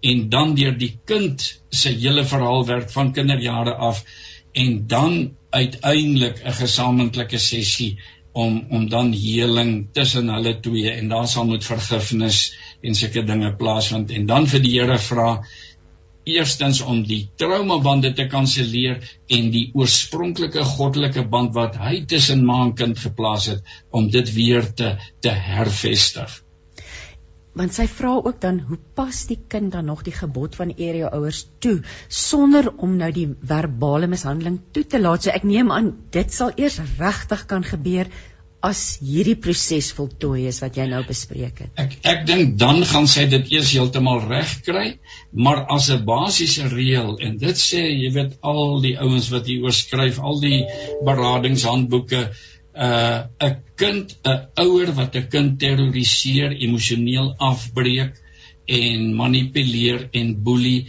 daai kind hoef dit nie toe te laat net om op grond van 'n Bybelversie wat sê eer jou jou vader en moeder nie. En dit kry mens baie in die praktyk. En daai ouer is soms geneig om daai versie voor die kind se kop te gooi. Maar daai versie impliseer nie laat toe dat mense jou emosioneel en psigies vernietig. Want dis wat gebeur hierdie kind word vernietig. En ongelukkig dit wat met die kind gebeur die kind raad dit weer aan haar kinders oor en dis nie wat daai Bybelversie sê laat toe dat jy en jou kinders en jou kleinkinders vernietig word deur dit wat sieklik en toksies is nie. En dat ouens in die handboeke self so ver gaan as om te sê as daai ouer daar's miskien aanvanklik gepraat die kind het al beswaar gemaak oor sekere gedrag en en die ouer weier om om aan te pas dat die ouens dan sê hoorie nou moet daar eers afstand kom. Hierdie jy kan met hierdie kind begin met 'n beradingsproses die ouer weier dalk om betrokke te wees. Jy begin met die kind met 'n beradingsproses maar dat die genesing kan kan groei en realiseer moet daar afstand kom. Anders doen jy vandag berading môre as die kind weer by die ouer dan word alles wat vandag gedoen is word afgetakel. Oor môre begin jy weer voor. En dit het ek dikwels gesien en dan het ons gesê nee nou moet daar eers tydelike skeiding kom. Jy moet nou eers emosioneel sterker word en jou grense wat plat getrap is moet moet herstel word en dan gaan ons begin met 'n proses om te sê okay, hoe nou met die ouer gemaak? As daai ouer steeds weier, kan dit selfs impliseer dat hierdie kind vir 'n onbepaalde tyd dat daar afstand moet kom anders gaan hierdie skade net voortgaan. Profies nog 'n vraag. Iemand sê, "Wat staan my te doen as slagoffers vir hulp vra en sodra dinge begin vorder en um uh, en, en en en dan weer sleg begin gaan, dan word op ons geskree dat dit sal self regkom en dinge sal nee, wag, ek gou hier, soos jy dan skree hulle, stop, ons sal self regkom en dinge uitwerk. En dis nou al 20 jaar plus se verloop van lelike dinge sê hierdie luisteraar. So klink vir my hulle wil hulp, hulle bied hulp aan maar dan word daar gesê stop ons gaan dit self uitwerk. Dis so so heen en weer besigheid. Ja. My, ja ja. Wat sê wat het jy vir hierdie persoon? Mense kry dit so dikwels uh daai daai een kom ons sê wat die oortreder is wat die oorsaak van baie pyn is uh mense weet daar is 'n verhaal van waarskynlik onverwerkte trauma, onverwerkte emosionele pyn, verwerping wat teruggaan kinderjare toe. En sodra daar 'n snellertjie kom, dan dan manifesteer daai jare se pyn, dan bars die vulkaan uit. En en en uh sodra hulle dan probeer hulp aanbied, dadelik dan trek hy terug want want dit kos 'n prys. Dit kos 'n prys om regtig by 'n punt te kom waar mense sê, "Oké, okay, nou's ek bereid dat hierdie mes sny tot op die bene en ons gaan deur die hele verhaal werk." En ek moet sê veral met uh uh met mans oor die algemeen soveel moeiliker om hulle in so terapeutiese proses in te kry. Met vrouens en meisies altyd 'n bietjie makliker as hulle die oortreders was. Met mans altyd moeiliker want die man, die man het die gevoel ek moet in beheer wees en en niemand van buite kan vir my kom sê hoe ek my huis en my gesin moet hanteer nie. Daar's daai trots En dis 'n geweldige uitdaging ook vir 'n beraader om daai ou uiteindelik ingetrek te kry. En in die praktyk het ek maar gesien, sê maar dis binne 'n huwelikssituasie, binne 'n gesinssituasie. Partykeer is daar dalk iemand, daar's dalk een persoon in daai in daai oortreder se lewe na wie hy wel bereid is om te luister, na wie hy wel opkyk, vir wie hy wel respek het. Partykeer is dit 'n geestelike leier, partykeer dalk net 'n goeie vriend wat 'n gesonde, stabiele persoon is en dan's die raad, kyk of mens nie daai ander persoon kan betrek want hy gaan nie vir jou as huweliksmaat luister nie, maar hy gaan na daai ander persoon luister en as daai ander persoon begin in beweeg, partykeer help dit om hom in die proses te kry. Maar mense het baie wysheid nodig. Ek wil nou hier weer weer vra want hierdie persoon sê die slagoffer vra vir hulp maar ja. dit is nou al vir 20 jaar wat en dan help hulle maar dan sê die slagoffer nee los ons weer uit. So dis ook mos 'n vorm van mishandeling. As jy al vir 20 jaar so heen en weer speel met hierdie persoon wat jou probeer help. Ja. Nee, hierdie hierdie slagoffer het verseker self baie emosionele pyn, emosionele skade, verwerping, vernedering. Nee, ek glo as as mens net met haar gaan sit gaan jy 'n verhaal kry wat wat oorweldigend is wat op sigself deurgewerk moet word.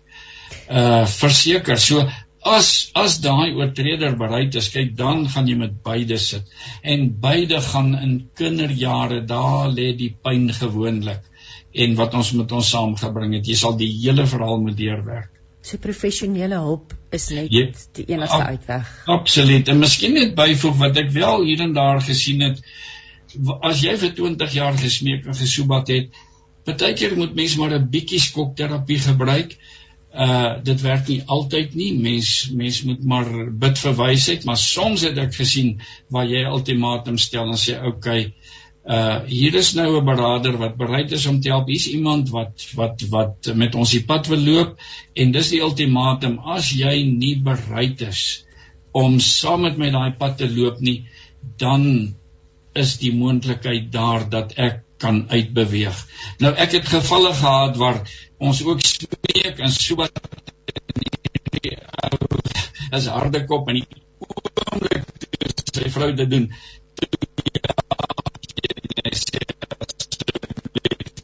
moet jy my help. So daai skokterapie het daar gewerk, maar ek sê nou nie dit gaan altyd werk nie. Die Here moet vir mense wys wat is die beste vir jou situasie. Sjoe, professor, dis 1053 so ek ek wil net graag gesels oor yeah. Ja. net kinders. Ehm um, hoe hanteer 'n mens? Daar's 'n spesifieke manier, dalk net in kort, 'n kind wat uh, vasgevang is in traumabande, hoe hanteer jy as ja. ouer dit of as beraader? Weet jy, so ons aanvaar dadelik daai kind het trauma beleef. Daai kind het trauma beleef en baie keer saam met dit verwerping en 'n klomp dinge. So die eerste praktiese riglyn vir sorg en vertroetel sulke kinders. Soms moet hulle vasgehou word, gewieg word, geswaai word, vertroetel word. Daar was dikwels 'n probleem met binding met die versorgers, die attachment problems waarvan hulle praat. Ons moet daaraan werk dit herstel. Die tweede riglyntjie probeer eers die gedrag verstaan voordat strafmaatreëls toegepas word. Getraumatiseerde kinders reageer hulle pyn dikwels uit deur stout gedrag. En dan help dit nie ons straf hulle, maar ons maak nie seker wat is die dieper pyn. Baie belangrike punt. Die derde een, interaksie met sulke kinders moet in ooreenstemming met hulle emosionele ouderdom plaasvind. Kinders wat mishandel en misbruik is, se emosionele ontwikkeling is dikwels vertraag. Jy werk met 'n 10-jarige kind, maar as hy stres het, reageer hy soos 'n 4-jarige of 'n 5-jarige kind want daai ouderdom het die erge trauma plaasgevind en dan moet jy hom hanteer asof jy 'n 5-jarige kind hanteer. Dan wees konsekwent, voorspelbaar en herhalend. getraumatiseerde kinders se hele lewensorde was dikwels omvergewerk. Hulle sekuriteit is platgetrap. Daar's nie grense nie en nou moet jy deur konsekwente reëls, konsekwente skedules moet jy weer sekuriteit vir hulle terugbring. Dan modelleer en onderrig gepaste sosiale gedrag verwaarloosde misbruikte kinders, getraumatiseerde kinders weet dikwels nie om interaksie met in, met ander persone te verkeer nie. Die basiese dinge wat ons vir ons kinders gereel, geleer het van kleintyd af, dikwels het hulle dit nie. En hier moet jy 'n rolmodel vir die kind wees ten opsigte van die basiese dinge. Hulle sê become a play by play announcer om vir hom te sê ek gaan na die opwasbak om my hande te was voor ete omdat en dan brei jy uit. En so gaan jy 'n klomp goed vir hierdie kind uitspel. Dan die belangrikheid van te luister, tyd te maak met hierdie kinders te sit, met hulle te praat en soos jy verhouding bou met hulle, gaan hulle hulle harte oopmaak en jy gaan sien waar lê die diep pyn. En dan realistiese verwagtinge. As dit 'n kind is wat baie verwaarloos, baie mishandel was, byvoorbeeld 'n kind uit Roemenië wat op 5 jarige ouderdom aangeneem is, kom uit 'n weeshuis, dan moet jy weet hierdie gaan 'n uitdaging wees en jy moet geduldig wees en jy moet jy moet uh, bereid wees om die pad te loop. Daar's baie gevalle waar mense sulke kinders teruggegee het van die maatskaplike werkers want hulle het nie besef hoe lank hierdie pad gaan wees nie. En dan die, ja, laaste gedagte, ons ek sien is 10:57. Okay. Waar Ekskuus om om af te sluit. Ja, asseblief. Ja, nou ek dink daar sal ek terugkom na die die aspek van gebed. Aan die einde van hierdie boek het ons nou een hoofstuk waar ons nou bietjie meer in detail gebedsriglyne gee om saam met kinders te bid en hulle ouers waar 'n traumaband ontstaan het, byvoorbeeld eh uh, uh, uh, komplikasies by geboorte en kort na geboorte is die kind eh uh, uh, ag 6 maande na ouma toe, ma was siek of ma se pa het gesterf toe sy swanger was met die kind. Sy kon nie bind met die kind nie, die regte band kon nie vestig nie. Hoe hoe gaan ons dit hanteer en hoe om hoe om ouers en kinders daardeur te help? En ouer kinders, as dit 'n ouer kind is, trek jy hom in en jy kry sy verhaal en jy bid uiteindelik die Here moet die die band tussen hom en sy moeder herstel wat wat moontlik nie daar is nie. Prof Wenzel, ek gaan nou moet net ek wil graag vir ons luisteraars net sê waar hulle die boek in die hande kan kry. Uh as ek dit reg is, is dit www.wenzelkoetser.org.za, die webwerf? Nie nou ja, dis dis reg, maar die maklikste dalk maar my e-posadres uh wenzelc@gmail.com. Ja, sê ek gaan dit net herhaal. Ja. As jy graag hierdie boek wil kry, in die hande kry, kontak gerus vir professor Wenzel Koetser by wenzelc@gmail.com. Ons het gesels 'n trauma bande. Prof Wenzel, baie baie dankie. Ongelukkig gaan daar nie tyd wees vir 'n gebed nie. Hulle die nuus moet gelees word. Maar ehm um, ja, miskien dalk net 'n vinnige gebed vir iemand wat vasgevang is. Ek o oh nee, daar sê dit 10:59. Um, uh, Tyd het ver oggend vir ons ingehaal. So liewe luisteraar, ja, asseblief uh, besoek weer wenselkoetser.org.za of stuur 'n e-pos aan wenselc@gmail.com. Ek sê dankie vir Prof Wensel vir sy tyd ver oggend. Ek sê dankie vir Paul manne vir die tegniese versorging en Prof, ons gaan hierdie gesprek maar moet voortsit weer 'n volgende keer. Dit lyk my so. Seën en vrede vir julle.